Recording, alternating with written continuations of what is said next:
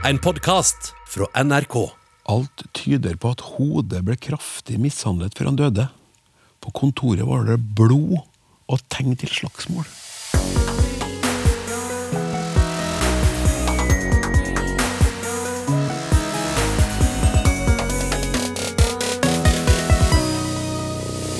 Når vi nå går inn i krimromanens høytid, hvorfor tyr så mange av forfatterne til ekstrem vold, og hvor skal dette ende?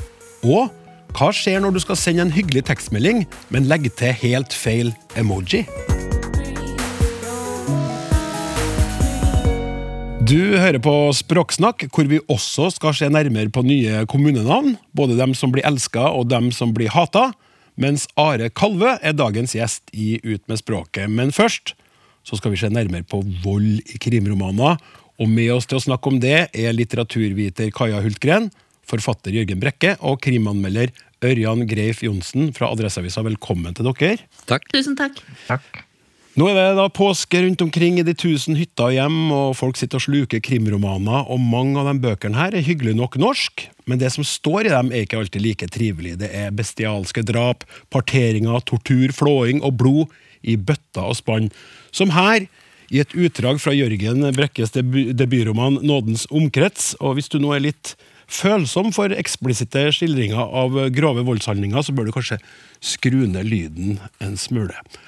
Alt tyder på at hodet ble kraftig mishandlet før han døde. På kontoret var det blod og tegn til slagsmål. Vi antar han ble slått helseløs med en stump gjenstand oppe på kontoret, uten at han døde av skadene.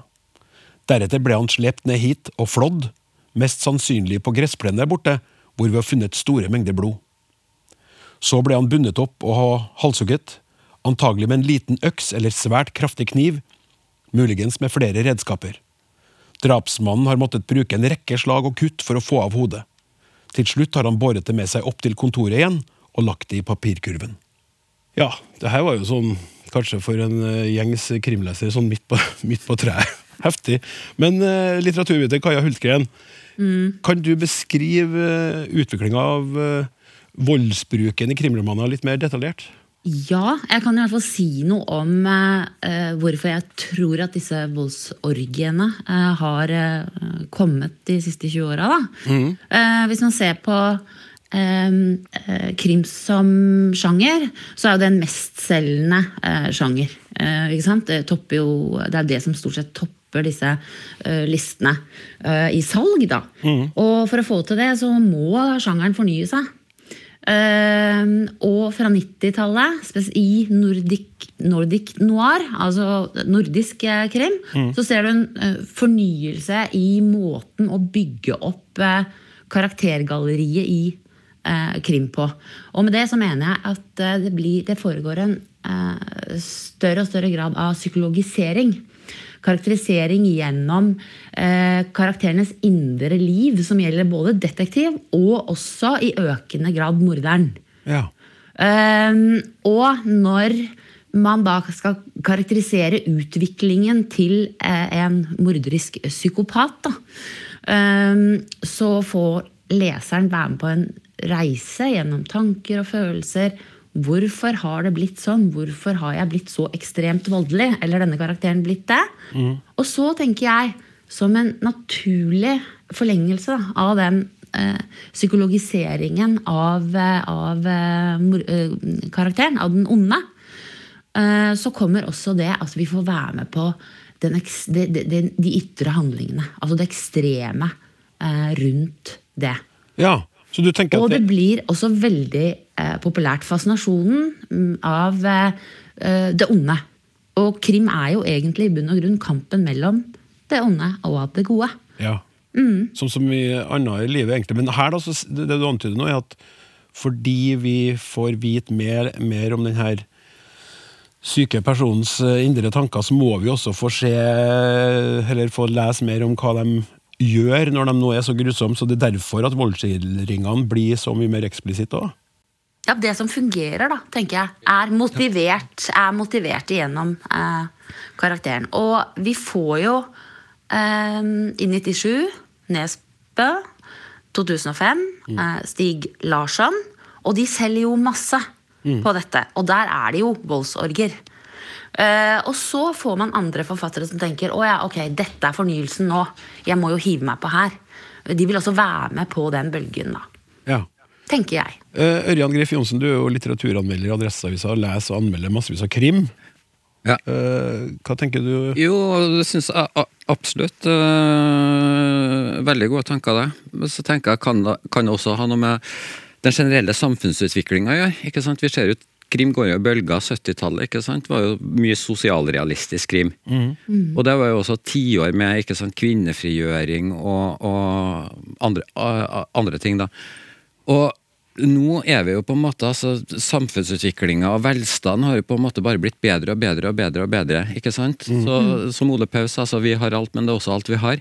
Ja. Og Kan det være en av grunnene til at det har blitt så drøyt? ikke sant? Og det gjelder jo for så vidt ikke bare krim. ikke sant? Vi har jo nettopp NRK-serien Exit. ikke sant? Det pøses på liksom med effekter eh, når det gjelder vold, sex, drap. Og, og, og at det er på en måte at det er ikke den store tomheten vi lever i da, men eh, Eh, det selger i Norge eh, og i Norden, tror jeg også henger sammen med at vi lever i et forholdsvis trygt sosialdemokratisk eh, samfunn.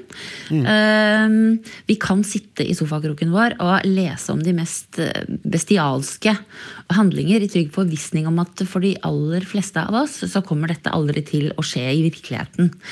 Og eh, vi får, kan velte oss i fascinasjonen av eh, ondskapen. Ja.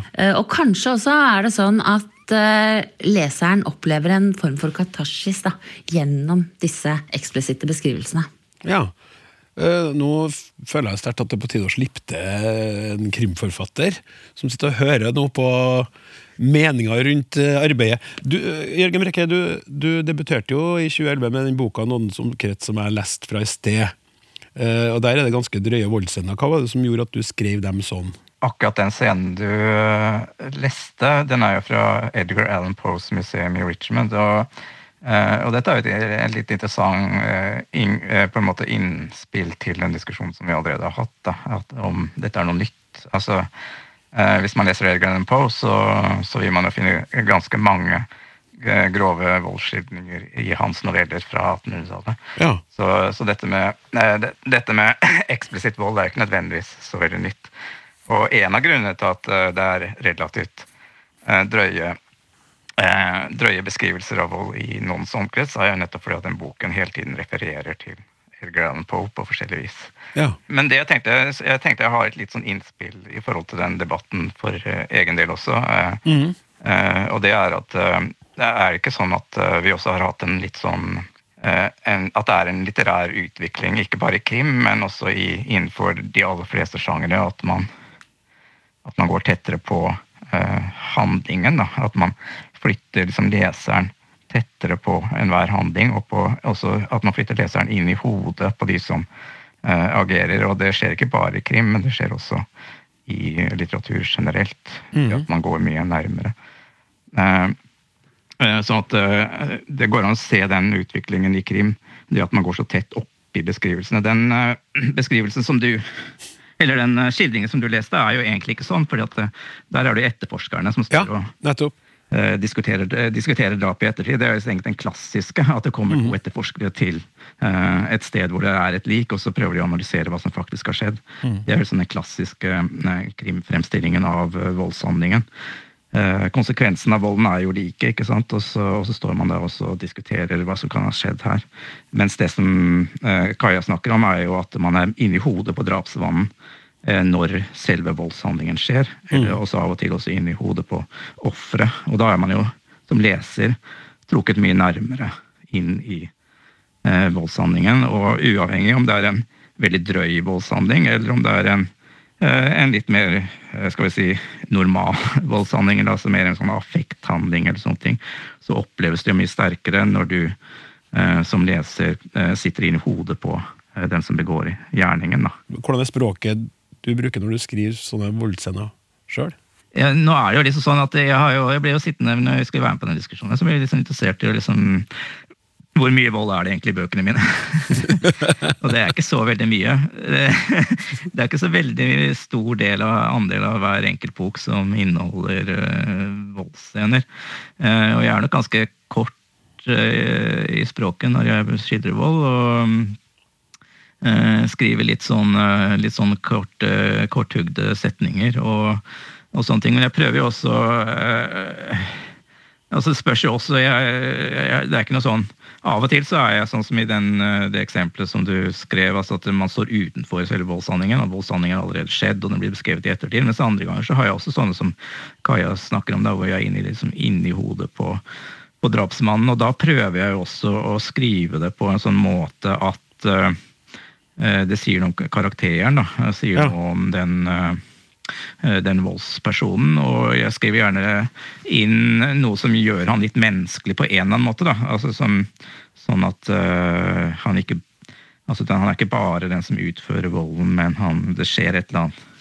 Jeg kan jo kanskje ja. lese et eksempel. Fra, veldig gjerne. Fra en bok. Og da har jeg jo um, fra Menneskets natur, som er den tredje boka jeg skrev, og da treffer vi en, en, en voldsmann da, som er en sånn slags torpedo, som heter Sving. Og da kan jeg jo lese litt der da, fra det. Mm.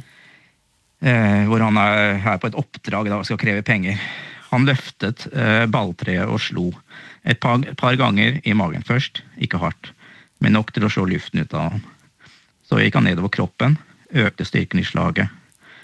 Det første som virkelig svei, traff hoftebeinet. Så dundret han løs på knærne, forsøkte å knuse dem. Faen så la jeg er av dere, hylte han, som, som du roper til rekrutter første dag på befalsskolen. Det var stemmen man brukte for å sile ut sveklingene. Jeg hater dere, dere er avskum, dritt, menneskelig kompost. Han løftet balltreet og klinte til han en siste gang, i kjeven. Han hørte at den knakk. Tjoms spyttet blod og tenner. Så fant han frem lommetørkleet fra jakken, tørket blod av balltreet, la det tilbake i lommen og ble stående og se på den stakkars vraket som målte seg på gulvet som en mark. I morgen. Karstad, Karstad vil ha pengene i morgen. Det fikser du. Det ble helt stille i rommet da han gikk, men de var våkne nå, alle sammen. Ungen belget da han kom ut på gangen. Smokken hadde falt ned på gulvet under vogna. Han tørket av den med et rent lommetørkle. Heldigvis hadde han flere og ga den tilbake til barnet. Så rugget han på vognen til ungen ble rolig. Etterpå gikk han ut av huset. Der ja. er det som en sånn overgang da, fra en ganske drøy voldshandling. Eh, sett fra drapsmannens perspektiv, og så til han kommer liksom ut i gangen hvor det ligger en unge, unge og skriker. Mm. Han tar seg tid til å eh, stoppe opp og plukke opp smokken og gi til ungen og rugge på vogna. ikke sant? Og så blir man luret på hvorfor. Hvordan klarer han å omstille seg sånn? Hva er det liksom jeg prøver alltid å skrive inn et eller annet, eller ofte da, i voldshandlingene å skrive inn, eller lage overganger på en måte, sånn at det er liksom uh, man blir sittende som leser, og man skal liksom røskes litt ut. For det er jo sånn at uh, krim er jo i utgangspunktet underholdning. Altså Man leser jo egentlig om grov vold for å underholdes, men jeg ønsker av og til å uh, legge inn sånne elementer som gjør at man liksom begynner å lure på hvorfor lar jeg meg underholde av det her egentlig, da. ikke sant? Ja. Man skal liksom sitte litt med teen i, i, halsen av og til. Mm. Men, men Ørjan Griff Johnsen, som er anmelder, hvis vi snakker noe generelt ja. om eh, Nordic noir ja. eh, og, og voldsscenene som har økt på. Hva, hva syns du som anmelder når du sitter og leser? Eh, og da snakker jeg ikke om denne eh, torpedoskildringa, men snakker generelt. Hva, hva opplever du? Eh, jeg opplever voldsscener ofte som uh, unødig, trettende og øh, det, det, for meg så kan det som anmelder, men også som leser, bli et irritasjonsmoment. da. Ja. Og det kan være flere faktorer. Et, eksempel som jeg husker, det var da jeg leste 'Snømann' av Jo Nesbø. Mm -hmm. eh, drapene blir så spektakulære og voldelige, og, og, og det, det, skal være så ekstremt utført at det altså, Da ble jeg sittende og tenkt altså, det, en ting er at det er usannsynlig, men det blir på en måte konstruert, og det flytter på en måte fokus uh, bort fra det som på en måte kan være et godt krimplott. Mm. Uh, det blir på en måte vold for voldens skyld. Ja. Uh, og, og, og, og, det blir så mye på en måte at eh, altså, det blir verken skummelt eller eh, ekkelt til slutt. Eh, altså, jeg har mer sans for den der antydningens kunst da, når det Ja. gjelder det her. og uh, de, ja, ikke krimlitteratur, men en av dem innenfor den sjangeren da, som eh, jeg husker godt, det er filmen 'Drive' med Ryan Gosling. Det er en scene der han er med venninna si i heisen, og så er det en som er ute etter han. da. Og det skjønner Ryan Gosling, og så tar han den, og så legger han den i heisgulvet. Vi ser ingenting, vi ser bare Ryan Gosling, overkroppen filma mens han tråkker på vedkommende. da. Og du hører den lyden av en eh, hodeskalle som på en måte sprekker. Eh, det er noe av det mer eh, Ja, altså den gjorde inntrykk, og, men da var det på en måte ikke sånn eksplisitt skildra med Nei, du, du var der og du Ja. skjønte, men du, jeg husker den scenen veldig godt selv. Ja. Jeg forstår hva du mener. Og, eh, altså, det er jo noen forfattere også som klarer å skrive voldsscener som blir interessante å lese, selv om om de er drøy. Eh, og hva, er det som, hva tror du det er som gjør at enkelte klarer det, Kaja Hultgren? Jeg vil litt tilbake til eh, Altså, det går egentlig litt på det Jørgen eh, sa også. Eh, det han leste for oss, så dette, Det er et menneske. Det er et helt menneske. Eh, dette barnet som han ivaretar, den er dynamisk, den har følelser. Det er ikke statisk vold, da. Mm. jeg kan nevne et eksempel som jeg ble veldig imponert av, hvor jeg syns det fungerte så godt. Samtidig ble jeg litt overrasket. Og det er eh, den eh, nyeste til Karin Fossum. Okay. Eh, bakom synger eh, døden. For Karin Fossum har jo vært en eh, mester til å skape uhygge gjennom den psykologiseringa som jeg har vært inne på. ikke sant? Ja. Og så I denne romanen da, så har hun en scene som er den er ekstremt voldelig. Den varer og den varer. Uh, Offeret dør ikke. Altså Det er på'n igjen og på'n igjen. Ehm, men det er utført på en måte som gjør at, vi, at leseren nesten har sympati med gjerningsmannen, med morderen. Oi. For karakteren er så motivert gjennom øh, øh, boka, altså før i boka, at vi skjønner ja, men det er jo ikke noe rart at du blir psykopat. Eh, du, har, du har det jo Du har jo en ba forferdelig barndom. Du har jo et forferdelig liv. Det er jo ikke noe rart. Eh, Og når du da blir trigga, så er det jo ikke noe rart at det skjer. Så det Der, synes, altså Sant gjør at det fungerer. Ja. Og så er jeg selvfølgelig helt enig eh, i det. At er, hvis det bare er tatt eh, helt ut av eh, sammenheng, så blir det jo bare en sånn eh, spekulativt 'dette selger'. Mer blod. Og egentlig ganske uinteressant og irriterende, eh, sånn som Ørjan sier. Mm. Ja, og den, den her eh, effektutmattelsen, kan det nesten kalles, som en Ørjan kjenner på. Mange som leser krim, eh, kan kjenne på hvis man leser mye, så blir man jo etter hvert kanskje litt nummen for de her voldsskildringene. eh, Og dem, den har blitt grovere og grovere de siste 15-20 årene. Men nå er det sånn at det er en slags endring på gang, eh, Kaja? Ja, jeg synes å se Eller endring og endring. Altså Vi er kanskje i en sånn pendel eh, som begynner å svinge litt. For som Ja. jeg nevnte innledningsvis, så eh, for at sjangeren skal holde seg mestselgende, så må den fornye seg. Må det. Det vil komme eh, altså reaksjon, motreaksjon.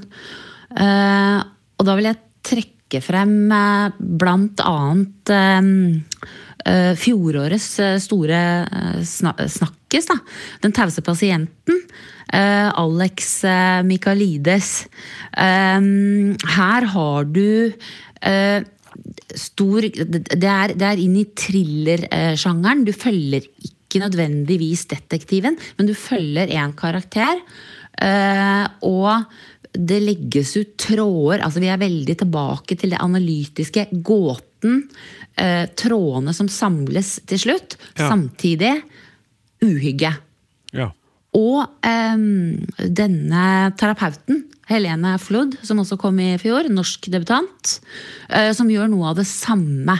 Det er trådene. Det er ikke, det det er, det er ikke de der svære eh, voldsorgiene i den boka, men uhyggen ligger hele tiden over. Og leseren lurer hele tiden på hvor er vi nå? Er dette sant? Er fortelleren eh, pålitelig her? Eh, og så samles alt til slutt. ja. Og jeg synes å se at um, det går mer i den retningen. Ørjan, Men jeg tror ikke vi er ferdig med voldsorgene i, eh, i Nordisk krim, altså. Det, det ikke helt.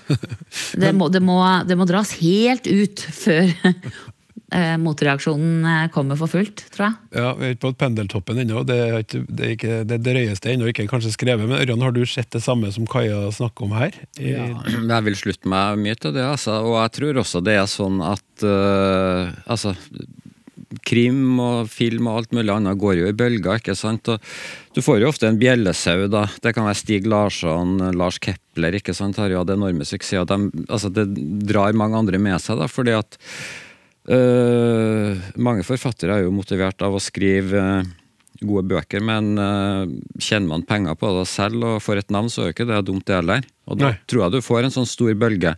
Men etter hvert da så blir det en sånn tretthet over det, og en metthet også hos leserne, og kanskje salgstallene begynner å dale, og da kan du få andre ting. Så kan det bli interessant å se etter den der koronatida. da, vet du. Kanskje det blir en rekke sånn krimbøker om lykkelige familier under isolasjon à la The Shining av Stephen King. ja, det kan det bli.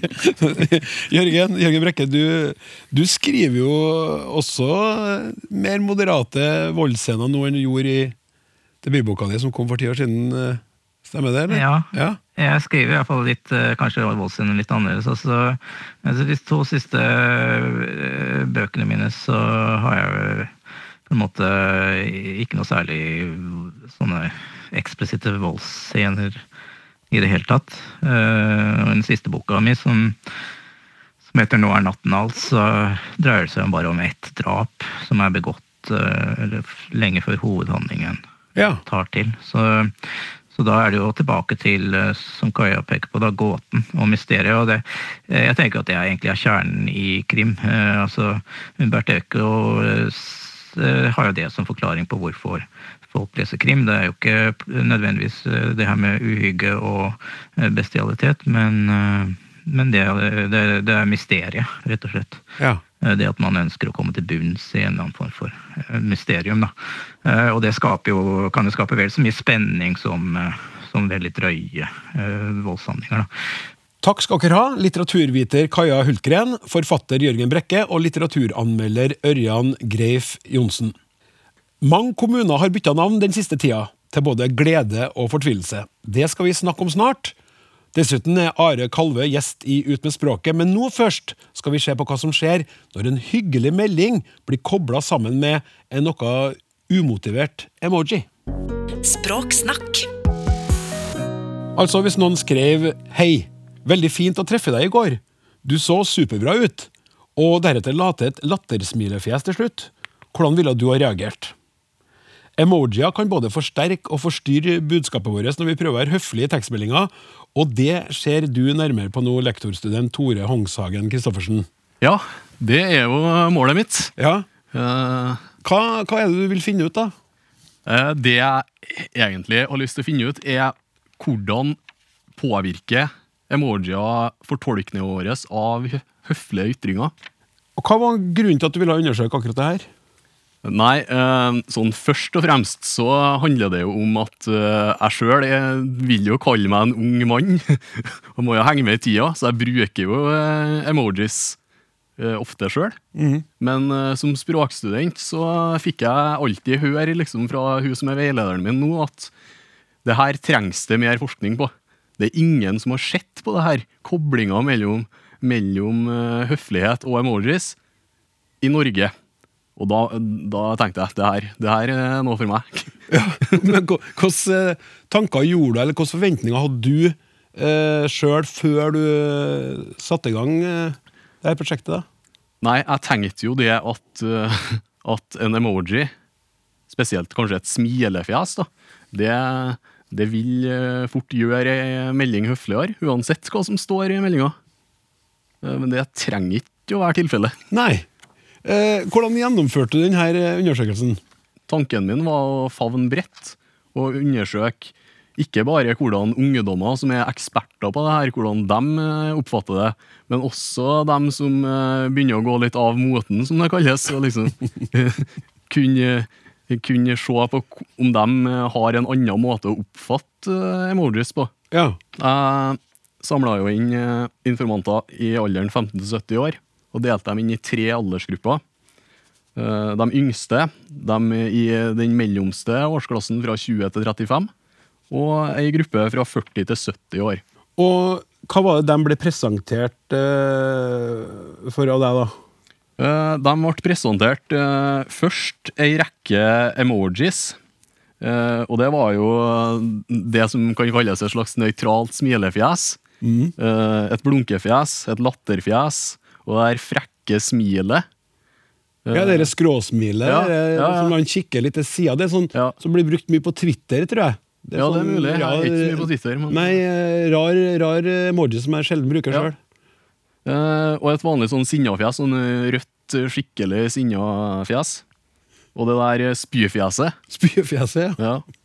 Og et sånn smilefjes med smilende øyne. Sånn eh, liksom koselig, koselig fjes. ja.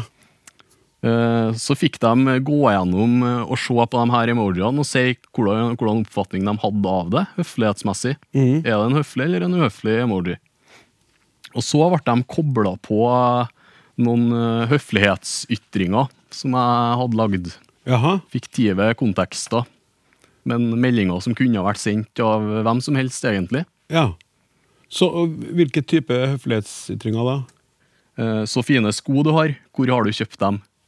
Du poengterer til den du snakker med, at du legger merke til at han har nye sko, men så vil du òg vite hvor de er kjøpt. Den. Ja, og det her kan, for liksom, ja, si at, at uh, Hvor er de skoene fra? ja. Så hvis du ser et bilde av en venn på eksempel Instagram, da, Ja. og så skriver du under i kommentarfeltet så fine sko du har, hvor har du kjøpt dem? Mm. Og så kommer vi fram til de her emojiene. Ja. For nå har vi skrevet en uh, hyggelig melding, Mm. og så skal vi putte på en emoji etterpå Ja. eh, som skal følge den meldinga. Ja. Hva, hva har skjedd da? Hvis vi bare holder oss til denne sko, skomeldinga, da. Nei, altså det som var veldig eh, artig, var jo å se, først og fremst uten emoji, så eh, syntes de aller fleste at det her er en klinkende klar og, og knallhøflig melding, eller en god og høflig melding, som jeg ville ha mottatt. Mm. Det var liksom det de sa. Og så putta jeg eksempel på et blunkefjes. da. Eh, og da begynte informantene å tenke Ja, hva betyr det her, da? Mange syntes det var vanskelig å tolke intensjonen eller høflighetsintensjonen til avsenderen. Og flere nevnte også noe om at ytringa var litt mindre høflig enn den ytringa uten emoji. For at det kunne handle om at de ble kritisert for skokjøpet, eller at skoene ikke var så fine lell, eller Det lå ganske mye i det der eh, fjeset der, Ja. som gjorde at hele ytringa egentlig ble snudd litt på hodet. ja. Og, kan jeg anta, eller jeg, jeg tipper hva de sa om den spy-emojien. Ja. Jeg Eh, tipper ganske at de kanskje ikke syntes den var superhøflig. da. Nei, nå eh, har ikke jeg med meg noen konkrete data på det her, da, men, men der handler det om at, at emojien er såpass grov, på en måte, at det, det veies litt i begge retninger, som en slags ironisk bruk av det. Ja. Det blir helt tullete bruk. Så Så det blir ikke nødvendigvis mye verre enn det blunkefjeset. Det er nesten vanskeligere med det, da. ja, blunkefjeset har på en måte Det sier ikke så mye. Det, det kan være så mye i det. Ja. Men er det eh, eh, forskjell på hvordan de ulike aldersgruppene opplever de ulike emojiene? Nei, nå har jo jeg kikka en del på dataen min, og sånn ved første øyekast ser det egentlig ikke ut som at de unge har noe bedre peiling, om man kan kalle det det, da, eller det ser ut som de tenker ganske likt. Ja. Det er ikke noe sånn graverende store forskjeller der. Nei, skjønner.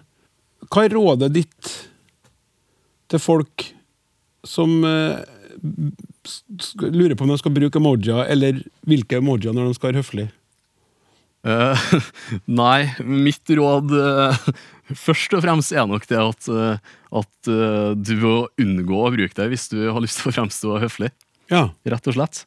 For en emoji oppfattes på så utrolig mange forskjellige måter. Og det er noe informantene mine snakker om. De, de tolker det i øst og vest, og noe kan være høflig der, mens det er uhøflig der. Og Har det her undersøkelsene uh, endra din bruk av emojis? Ja, jeg må egentlig si det. Eh, jeg gikk jo inn i det her og trodde jeg hadde peiling.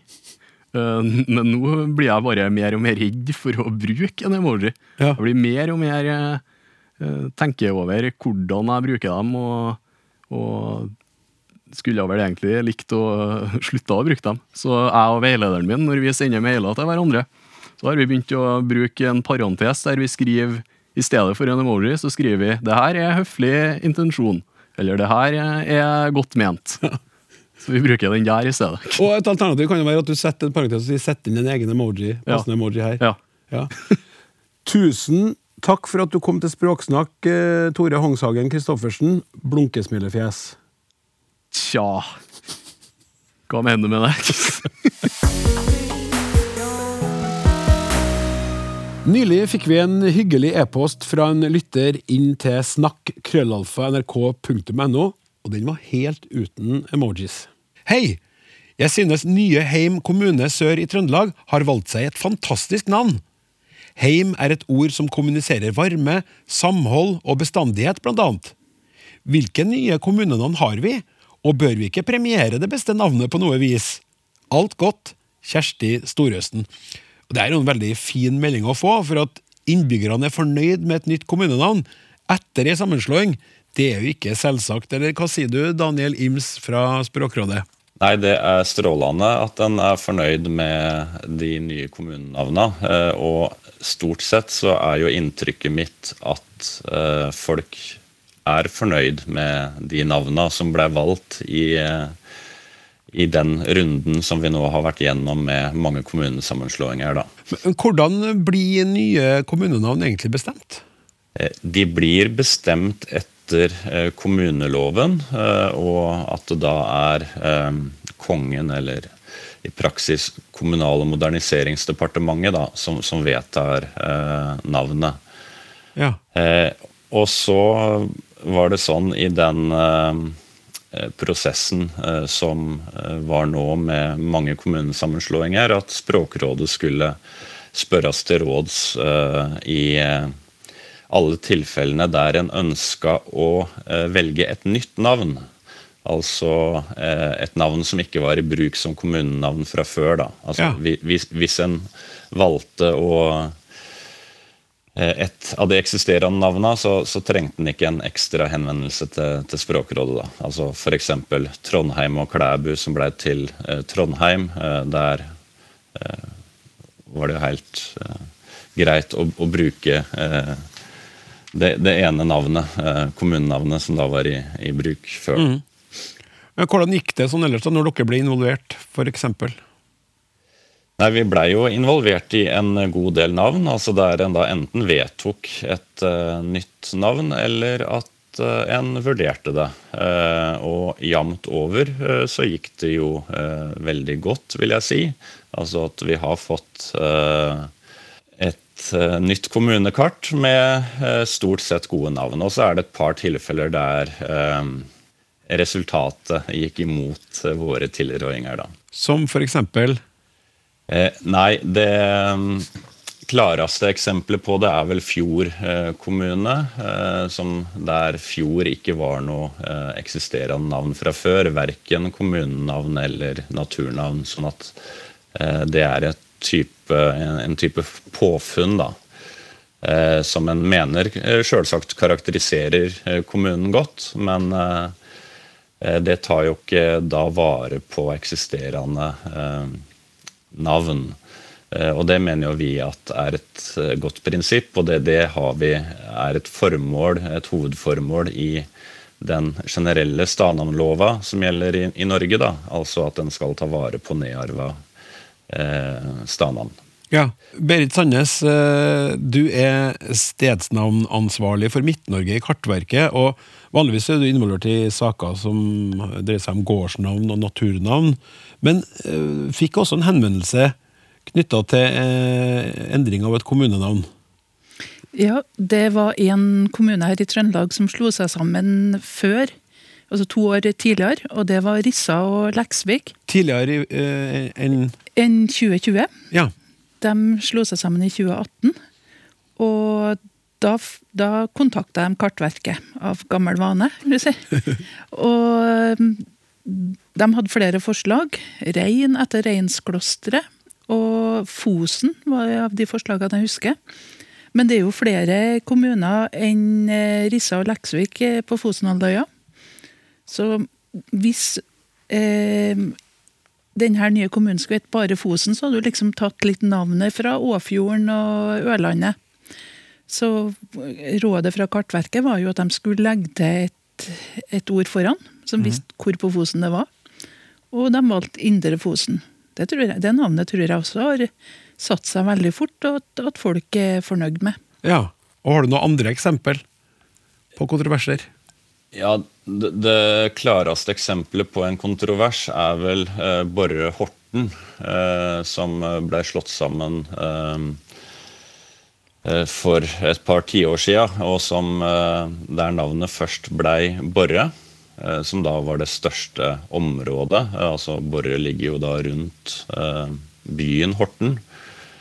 Eh, Men det var det så stor misnøye med blant eh, dem som bodde i byen Horten, da, at en- til og med fikk ei eh, politisk liste, eh, Horten-lista, eh, og som hadde som hovedsak å få endra kommunenavnet. Og det, og det endte jo med at det ble ei folkeavstemning, og eh, navnet ble endra til Horten kommune. Eh, som det nå har vært ei god stund. Eh, og det virker som det har, har roa seg, det, det spørsmålet. Ja. En variant er å velge et, eh, et f.eks. et naturnavn, som kan binde de plassene sammen. Det, vi har jo noen eksempler på det, f.eks. Færder i, i Oslofjorden. Og det kanskje aller mest eh, vellykka eksempelet jeg vet om, det er Nærøysund. Det er Vikna og Nærøy i Trøndelag som ble slått sammen. Og det er Nærøysundet som binder den kommunen sammen. Og samtidig så var Nærøysundet viktig på den gamle leia langs norgeskysten. Så det binder både kommunen og landet sammen. Eh, Veldig vellykka navn. Tusen takk til deg, Berit Sandnes, som jobber i Kartverket, og takk til deg så langt, Daniel Ims fra Språkrådet. Du skal også svare på lytterspørsmål til slutt i dag. Språksnakk med Klaus Sonstad. Ukas gjest i Ut med språket skulle ha egentlig vært rykende aktuell akkurat nå, men premieren på forestillinga toppar VG-lista på Det Norske Teatret er allerede blitt utsatt to ganger. Det her har hovedpersonen sjøl markert via en videosnutt på Instagram, med en skål og en liten tale, sånn som bare han kan. Dette her vil jeg gjerne si til dere som bestemmer i samfunnet. Dere kan ikke stoppe kunsten. Eller, det kan dere jo, eh, åpenbart, men ja, denne forestillinga er vel strengt tatt ikke kunst, når jeg tenker meg om. Det, det er fjas. Det er fjas. Men dette her vil jeg gjerne si til dere som bestemmer i samfunnet. Dere kan stoppe litt av fjaset av og til, noen plasser, i perioder. Men dere kan ikke stoppe alt fjaset overalt. Are Kalve, velkommen til Språksnakk. Takk. Ja, godt sagt. Det er veldig godt sagt. Det er synd for deg at premieren blir forskjøvet. Eh, Stas for oss at du da har tid til å være gjest her. Ja, da, men det hadde jeg hatt tid til uansett. Ok, så hyggelig. Du, i du Hyttebok fra helvete, som ble utgitt i 2018, så får man et lite glimt inn i unge Kalves liv. Eh, var du allerede da en som betrakta folk og verden omkring deg med et sånt undrende, smått ironisk blikk? Eh, ja, altså jeg har fått eh, Jeg har hørt fra både foreldre og kompiser at eh, jeg dreiv med det veldig tidlig. Hvor ironisk jeg var, Ja. jeg er ikke sikker på. Men eh, eh, nå, nå kommer jeg fra en plass der det ikke var fryktelig mye annet å, å gjøre enn å, å se på natur og folk og kommentere det. Ehm, og jeg, jeg dreiv eh, mye med det, og jeg vokste opp i en, eh, en heim der sånn gode observasjoner ble uh, bejubla.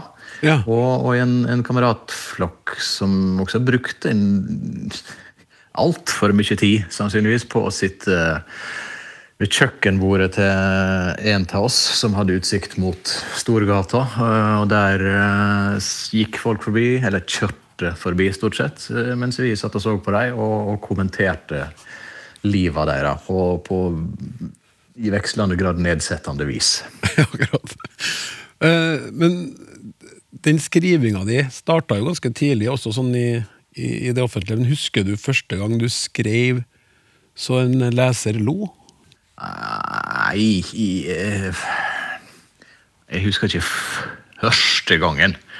Det, det tror jeg ikke. Men jeg husker at eh, jeg hadde en lærer eh, på Altså i sånn femte-sjette klasse som var veldig god til å se hva de forskjellige elevene satt på, og som ikke nødvendigvis eh, var innlysende for alle andre. Han eh, så et eller annet og ba meg om å gjøre ting som jeg ikke hadde kommet på å gjøre sjøl, som å framføre ting for klasse og, og, og prøve å gjenfortelle ting på en artig måte. Så han, så det er de første gangene jeg, husker at jeg har gjort sånne ting, og at jeg husker at uh, det slo an og var noe jeg syns jeg fikk til. Når man leser eh, bøkene dine, så er det jo, syns jeg, da, som å høre deg snakke. Eller omvendt, da. Hvor bevisst er det fra din side? Eh, Jeg har jo hørt flere si akkurat dette der, og um, jeg er ofte vanskelig for å em, være sikker på hvor bevisst ting er sjøl. Sånn i ettertid så, så ser jeg jo f.eks. det du sier nå, sjøl veldig lett. Og jeg ser uh, utviklinga i ting jeg skriver over år ganske lett.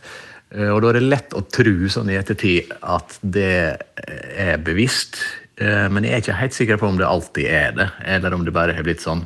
Det jeg vet, er jo at jeg, jeg skriver, iallfall når jeg skriver ting som skal framføres, men også ofte når jeg skriver eh, bokmanus, f.eks., Mm. så snakker jeg det ofte før jeg skriver det ned. Ja. Altså at jeg før- først eh, har en idé om hva jeg skal, og hva det skal handle om, og sånne ting. Og så, eh, mens jeg pønsker ut måter å formulere det på, så uh, gjenger jeg omkring på heimekontoret og snakker høyt for å høre omsetningene høres bra ut og er bra å si. Eh, Og så skriver jeg det ned, og da blir det sikkert litt mer skriftlig igjen. Men det er jo iallfall en, en, en logisk grunn til at eh, det er mulig å kjenne igjen stemma mi i det jeg skriver, vil jeg tro. Ja. Eh, men, hvilke språklige grep vil du si kjennetegner bøkene dine? Nei, det, er- det er, jeg har jo drevet mye med eh, ironi. Eh, mer før enn nå, egentlig, men veldig mye før. Eh, og så er det jo eh, Og dette med er noe som jeg er usikker på hvor bevisst er, eller om det bare er noe jeg ser etterpå. Det er jo eh, jeg, En ting jeg gjør veldig mye, er å, å ape etter eh, former som er mer seriøse enn det jeg sjøl driver med, strengt tatt er. At jeg skriver på en måte som er litt en parodi på enten lærebøker eller eh, akademisk mm. språk, eller bare eh, sånn ovenfra og ned-språk. Eh, at jeg skriver om eh, tøysete ting, men skriver om det på en sånn måte at det virker som om jeg har noe veldig viktig å fortelle til menneskeheten. Og det, det tror jeg ikke at det er, altså. Uh, men uh, du skrev jo tidlig for Dagsavisen sånne faste spalter. Uh, om du ser tilbake på den tida, hvor stor forskjell er det på den 23 år gamle skribenten Are Kalve og forfatteren Are Kalve av i dag? Eh, jeg, altså jeg blir jo Av og til blir jeg nødt til å gå tilbake og lese gamle ting jeg har skrevet, fordi at eh, ja, eksempel hvis det er noe som skal gis ut på nytt i eh, et eller annet nytt format lenge etterpå, så vil jeg gjerne lese gjennom det for å forsikre meg om at det, det gjeng an å publisere i dag. Og jeg skal, jeg skal eh, si at da tenker jeg som regel når jeg leser gamle ting, at jeg tenker heldigvis, som regel ja, dette her dette er ikke så verst, det. Nei. Og det andre jeg tenker eh, Og jeg har blitt mye bedre. Ja. Og det er jo det er jo en veldig fin ting eh, å tenke, egentlig. Først og fremst så, så gjør jeg jo færre feil nå. Eh, så jeg, jeg, fordi at jeg har gjort dem før, rett og slett. Og lært at det trenger ikke å gjøre. Jeg trenger ikke å gå den omveien. Jeg trenger ikke å gå i den fella. Det har jeg lært av ting jeg har gjort før. Så, så jeg bruker kortere tid på å skrive noe som er bra nå, enn jeg gjorde da. Sånn i innhold og form så er det en veldig tydelig eh, dreying fra at jeg før gjorde eh, mer eller mindre ondskapsfullt narr av ting jeg ikke likte, til at jeg nå i mye større grad eh, jubler for ting jeg liker, eh, rett og slett. Ja, eller, eller kanskje også ting du ikke nødvendigvis visste at du likte, eller som du prøver å finne ut av, sånn som i Hyttebukk, da. Ja, altså det er Ja, den Hyttebukk for helvete handler vel faktisk om noe jeg ikke liker, Noe, Jo, jo. egentlig. Ja. Men, men jeg gjør et, fors et forsøk Det det på. Du- å, å forstå det. ja. Ja, og det gjør du, Det- med, det gjør du, det, gjør du på alvor. Selv om det er humor. Ja, det gjør jeg på, det gjør jeg på ordentlig. Og det, det gjør det jo enda morsommere å skrive og, og faktisk gå inn i noe som jeg uh, ikke forstår eller uh, rett og slett ikke liker, men gjør et forsøk på å, å, å finne ut av hva det er for noe, i stedet for å stå på utsida og uh, skrive om det, som jeg i mye større grad gjorde for 20 år siden. Og, og, og den boka, 'Hyttebok fra helvete', den har jo solgt veldig bra, men du har også turnert land og strand rundt med en sceneversjon. Og du nevnte jo i sted at eh, du også, når du skriver, går rundt og sier ting, men, men hvordan skiller det å skrive bøker fra å skrive manus for liveshow? Kanskje ikke er så stor forskjell for deg, da? Nei, altså noen av en del av jobben er, er lik for meg. Men så er det, jo, er det jo ting som er spesifikke for For noe som bare skal finnes skriftlig, og for noe som skal framføres. Så, så, så det er jo ting i boka som eh, ikke er med i sceneversjonen, og ting jeg gjør på scenen som ikke er med i boka. Der er f.eks. En, en parodi på en, eh, en, en slags framtidig religiøs leder som snakker på en bestemt måte med et bestemt tonefall, som funker på scenen, men som er atskillig vanskeligere å få fram skriftlig.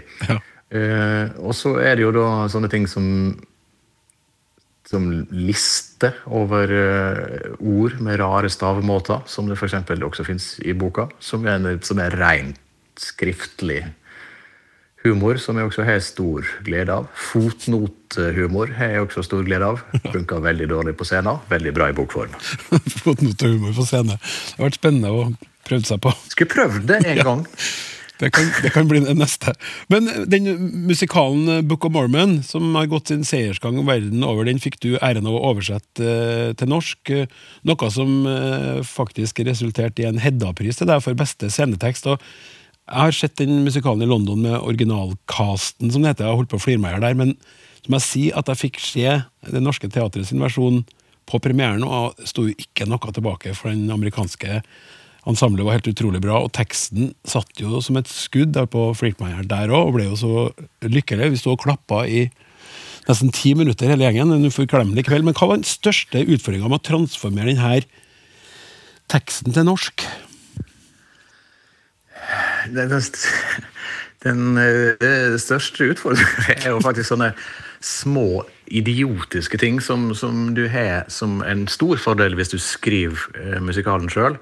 Da kan du f.eks. kalle en av hovedpersonene for Kevin, som rimer på heaven, som er veldig praktisk når det er en musikal om religion. Eh, Men det rimer jo ikke på så mange andre språk, eh, så da er det jo mye vanskeligere.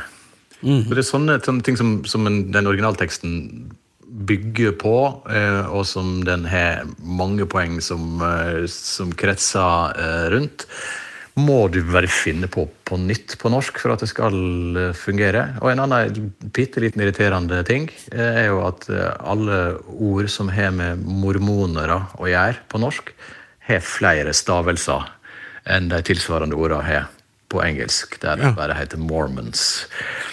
Så sånne ting gjør jo at en del ord og uttrykk og vendinger som går igjen i den forestillinga, er lar seg ikke oversette direkte. Iallfall ikke hvis du skal synge dem. Eh, Så det var innvikla. Og så var det jo eh, vanskelig rett og slett å finne ut hva slags grovhetsnivå du skal legge det på. Det, dette er jo, Du har jo sett den, så du vet det. Dette er en forholdsvis grov eh, tekst med mye bruk av eh, det enkelte vil kalle tabuord. ja, det enkelte vil kalle tabu. Det er noen klassisk kalvemåte kalvemåte å si det på. Ganske mange vil kalle det tabu. Mange vil kalle det ja. Og der er det jo eh, en, en viss forskjell på, på norsk og eh, amerikansk banning, eh, rett og slett. I og med at jeg vil tro de sånn vanligste norske banneordene som blir mye brukt her, eh, handler jo om eh, Gud og djevelen. Mens de tilsvarende vanlige banneordene der eh, i mye større grad eh, har ei eh, kjønnslig dobbeltbetydning, som i ganske stor grad er utnytta i originalmanuset, Ja. og som er vanskelig å oversette. Der hadde jeg stor glede av å tenke på at uh, ordet fuck, uh, det må nå kunne regnes som et norsk ord. I tillegg til at det er et amerikansk og engelsk ord. Det, det har vel aldri det, Akkurat det ordet har nok aldri vært så mye brukt i et manus på et uh, statsstøtta nynorskteater noensinne. Nei. Men, men hvor mye hadde det å si eh, at teksten ble oversatt til nynorsk? Usikker. Jeg har jo aldri prøvd å oversette det til bokmål, men eh, jeg, jeg, jeg tror det er en fordel. Blant annet av grovhetsnivået, fordi at eh, den vanligste, kjedeligste norske banninga er jo sånn bokmålsklisjeer. Eh, og det er friskere, eh, morsommere og mer uventa på nynorsk, tror jeg, i den forestillinga. Mm. og pluss at det er Dette her skal jo være Dette er jo lagt i munnen på unge, eh, naive eh, misjonærer. Men eh, selv om de er misjonærer, så er de unge og snakker Prøver iallfall å snakke sånn som unge folk snakker. Og det er også morsommere på nynorsk enn på bokmål. Og det, det handler jo rett og slett om at vi sjeldnere hører det på nynorsk, tror jeg. Og derfor er det mindre mindre fullt av klisjeer, og det er mindre Du assosierer det med færre ting, rett og slett, når du, hører både banning og forsøk på ungdomssleng eh, på nynorsk enn når du gjør det på bokmål. Ja, for du har jo sagt en gang at den største fordelen med å bruke nynorsk eh, er at det er lett å framstå som langt mer interessant enn du faktisk er. Det var vel humoristisk ment. Eh, Men du har jo også sagt jeg er bedre på nynorsk. Det er en opplagt fordel å være i mindretall hvis du skal være morosam og original. Ja, jeg, jeg, det er jo, jeg er jo helt sikker på eh, er sant. Jeg har jo et veldig lite sånn eh, religiøst forhold til nynorsk. Jeg skriver det fordi at det var det jeg lærte på skolen, og det ligger nærmest dialekta mi, og er det jeg skriver best på, eh, rett og slett. Men dette her, dette her med at det er en fordel å være i mindretall på en eller annen måte eh, for å bli lagt merke til og for å være original, eh, det er jeg ikke i tvil om at stemmer. Altså Hvis du skal henvende deg til et publikum og er på alle måter i flertall, hvis du er en hvit, middelaldrende, eh, heterofil eh, bokmålsbruker, da må du virkelig finne opp hjulet for å si noe som folk legger merke til. Mens hvis du i utgangspunktet har et eller annet ved det som gjør at folk eh, legger merke til det, eh, da har sannsynligvis også folk noen oppfatninger om det av det. Eh, og da har kanskje til og med folk noen fordommer eh, mot det av det. Og det er ting som det er lett og takknemlig å bruke for å eh, komme i kontakt med det publikummet. Hvis du klarer å avsløre fordommene deres nesten før du har begynt å snakke, da er du på lag med publikum. Ja. Eh, nå er du jo klar med et nytt humorshow. Are Kalve topper VG-lista, som tidligere nevnt er blitt utsatt opptil flere ganger, og flere ganger vil det sannsynligvis, eller muligens bli. Unnskyld at jeg sier det. Sannsynligvis. Ja.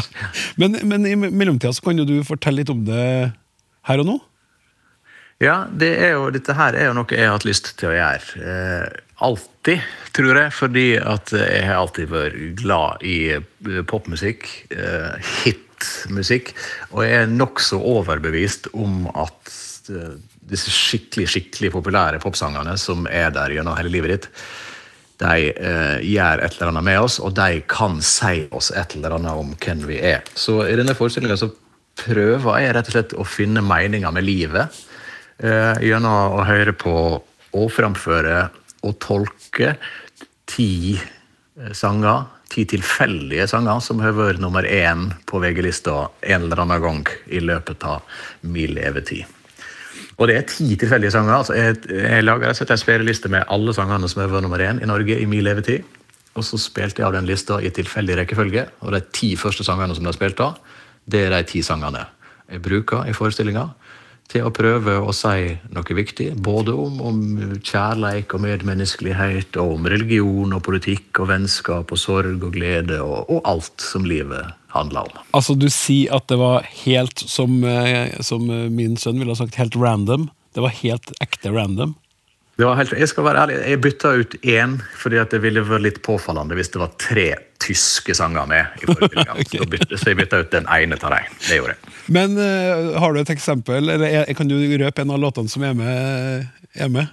Som Ja, altså, en, en av de eh, aller, aller største eh, som dukka opp på den lista, og jeg, det er jeg veldig glad for, er jo eh, selveste Britney Spears med 'Baby One More Time'. ja, det blir jo.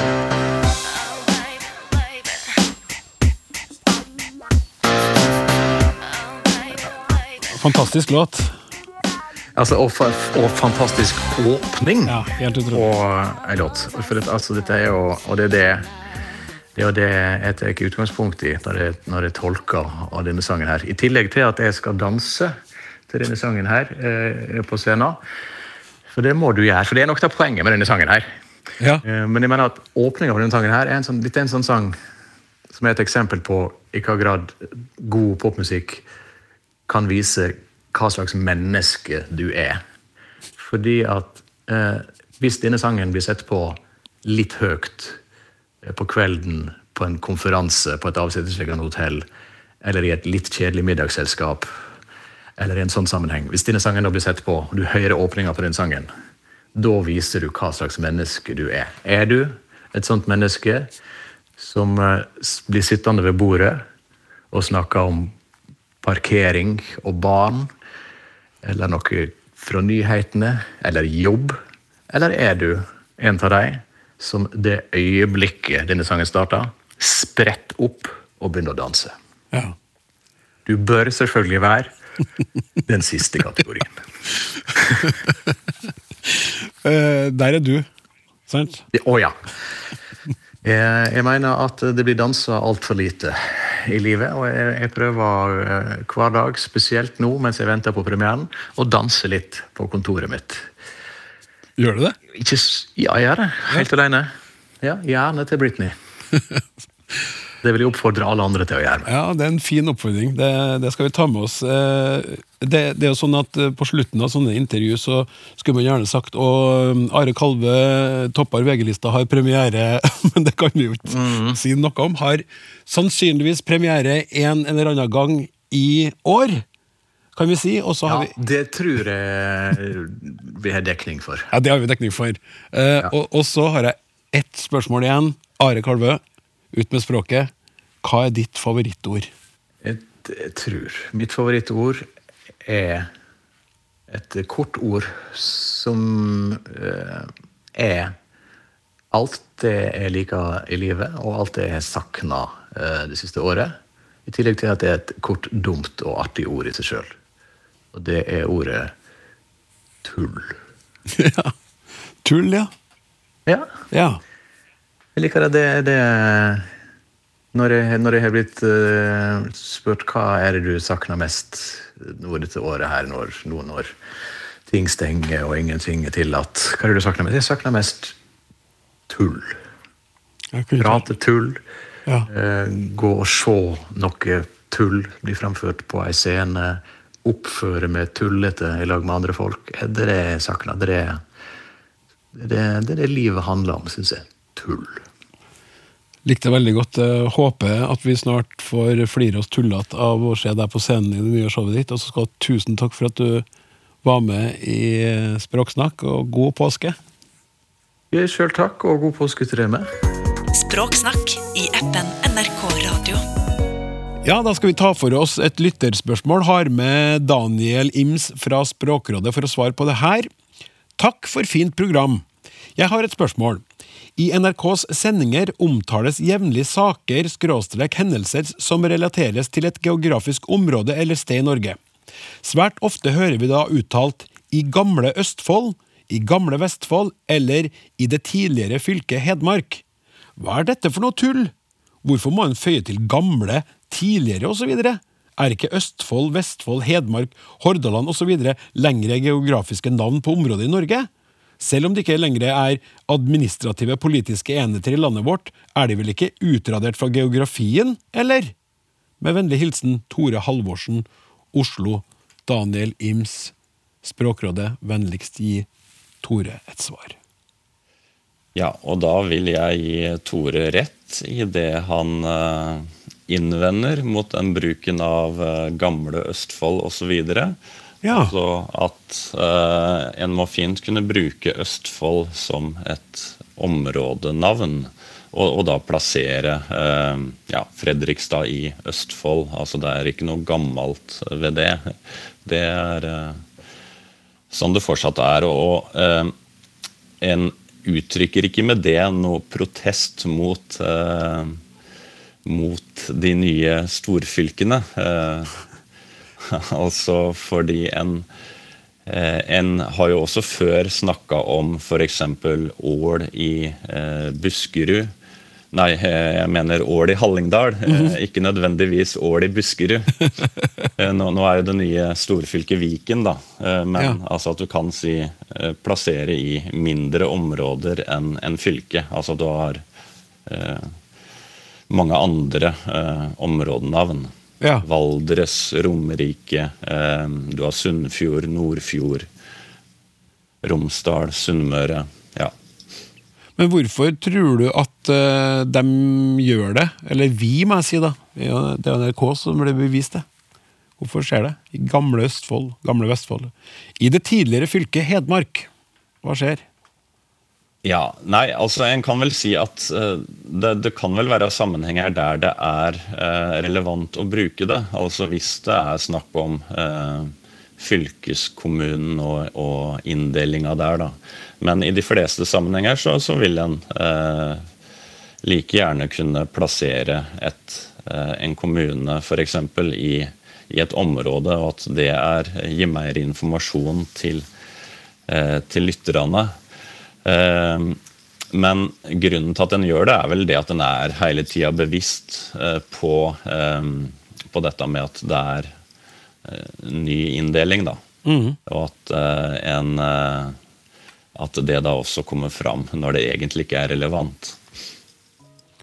Ja, men det er bra. Tore hadde et godt poeng, og han fikk spørsmålet sitt besvart. Tusen takk skal du ha, Daniel Ims.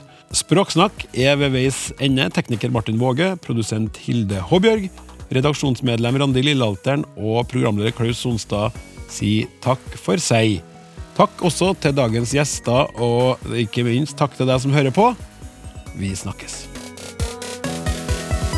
Du har hørt en podkast fra NRK. Hør flere podkaster og din favorittkanal i appen NRK Radio. Hei, jeg heter Silje Nordnes.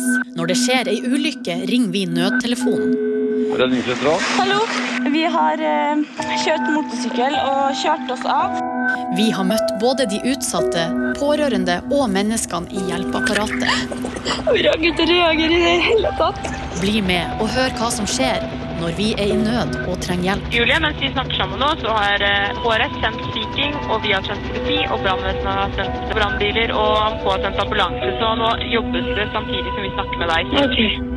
Hør podkasten SOS Nødtelefon med Silje Nordnes i appen NRK Radio.